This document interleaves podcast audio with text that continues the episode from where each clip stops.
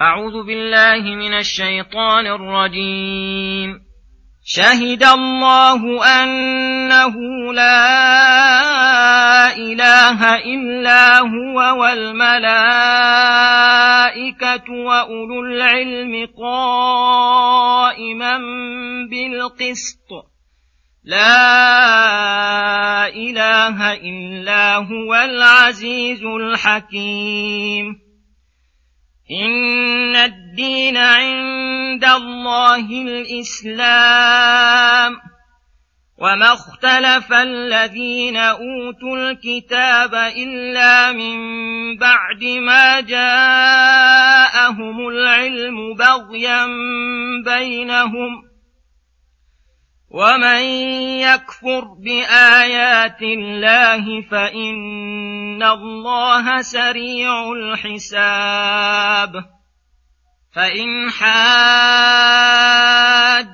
فقل اسلمت وجهي لله ومن اتبعن وقل للذين اوتوا الكتاب والاميين ااسلمتم فإن أسلموا فقد اهتدوا وإن تولوا فإنما عليك البلاغ والله بصير بالعباد إن الذين يكفرون بآيات الله ويقتلون النبيين بغير حق ويقتلون الذين يأمرون بالقسط ويقتلون الذين يأمرون بالقسط من الناس فبشرهم بعذاب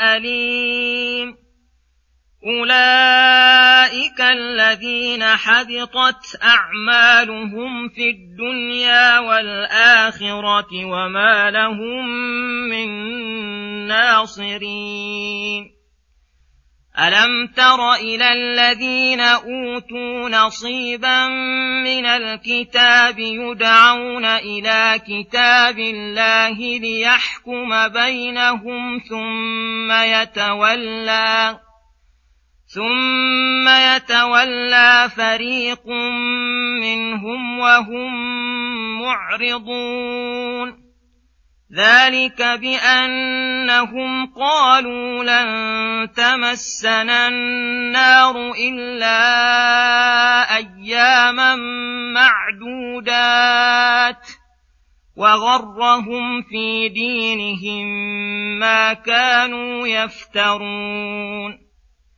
فكيف إذا جمعناهم ليوم لا ريب فيه ووفيت كل نفس ما كسبت وهم لا يظلمون. بسم الله الرحمن الرحيم. السلام عليكم ورحمة الله وبركاته. يقول الله سبحانه شهد الله أنه لا إله إلا هو والملائكة وأولو العلم قائما بالقسط. لا إله إلا هو العزيز الحكيم. هذه أجل الشهادات الصادرة من الملك العظيم ومن الملائكة وأهل العلم على أجل مشهود عليه وهو توحيد الله وقيام بالقسط. وذلك يتضمن الشهادة على جميع الشرع وجميع أحكام الجزاء. فإن الشرع والدين أصله وقاعدته توحيد الله وإفراده بالعبودية والاعتراف بانفراده بصفات العظمة والكبرياء والمجد والعز والقدرة والجلال ونعوت الجود والبر والرحمة. والإحسان والجمال وبكماله المطلق الذي لا يحصي أحد من الخلق أن يحيط بشيء منه أو يبلغوه أو يصل إلى الثناء عليه. والعبادات الشرعية والمعاملات وتوابعها والأمر والنهي كله عدل وقسط لا ظلم فيه ولا جور بوجه من الوجوه بل هو في غاية الحكمة والإحكام والجزاء على الأعمال الصالحة والسيئة كله قسط وعدل. قل أي شيء أكبر شهادة قل الله. فتوحيد الله ودينه وجزاؤه. قد ثبت ثبوتا لا ريب فيه. وهو أعظم الحقائق وأوضحها. قد أقام الله على ذلك من براهين وأدلة ما لا يمكن إحصاؤه وعده.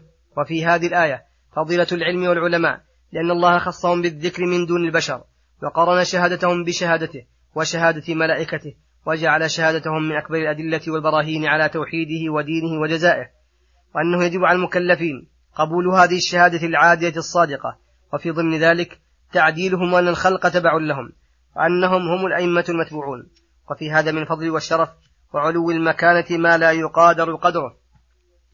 ثم يخبر تعالى أن الدين عند الله أي الدين الذي لا دين له سواه ولا مقبول غيره هو الإسلام وهو الانقياد لله وحده ظاهرا وباطنا بما شرعه على ألسنة رسله. قال تعالى ومن يبتغي غير الإسلام دينا فلن يقبل منه وهو في الآخرة من الخاسرين. فمن دان بغير دين فمن دان بغير دين الإسلام فهو لم يدن لله حقيقة لأنه لم يسلك الطريق الذي شرعه على ألسنة رسله.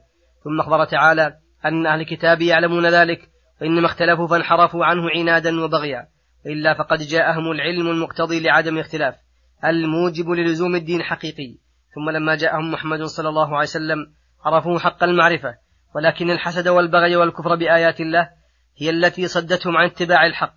من يكفر بآيات الله فإن الله سريع الحساب أي فلينتظروا ذلك. فإنه آت وسيجزيهم الله بما كانوا يعملون.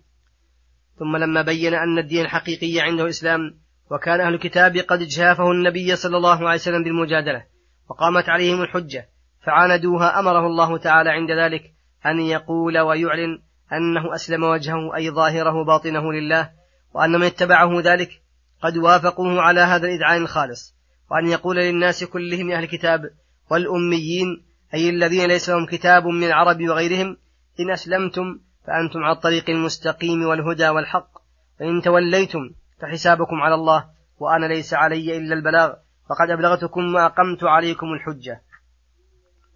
ثم يقول سبحانه إن الذين يكفرون بآيات الله ويقتلون النبيين بغير حق الآيات. أي الذين جمعوا بين هذه الشرور الكفر بآيات الله وتكذيب رسل الله والجناية العظيمة على أعظم الخلق حقا على الخلق وهم الرسل وأئمة الهدى الذين يأمرون الناس بالقسط الذين اتفقت عليه الأديان الذي اتفقت عليه الأديان والعقول. فهؤلاء قد حبطت أعمالهم في الدنيا والآخرة واستحقوا العذاب الأليم وليس لهم ناصر من عذاب الله ولا منقذ من عقوبته. ثم يقول سبحانه ألم تر إلى الذين أوتوا نصيبا من الكتاب الآيات؟ أي ألا تنظر وتعجب من هؤلاء الذين أوتوا نصيبا من الكتاب ويدعون إلى كتاب الله الذي يصدق ما أنزله على رسله ثم يتولى فريق منهم وهم معرضون عن اتباع الحق.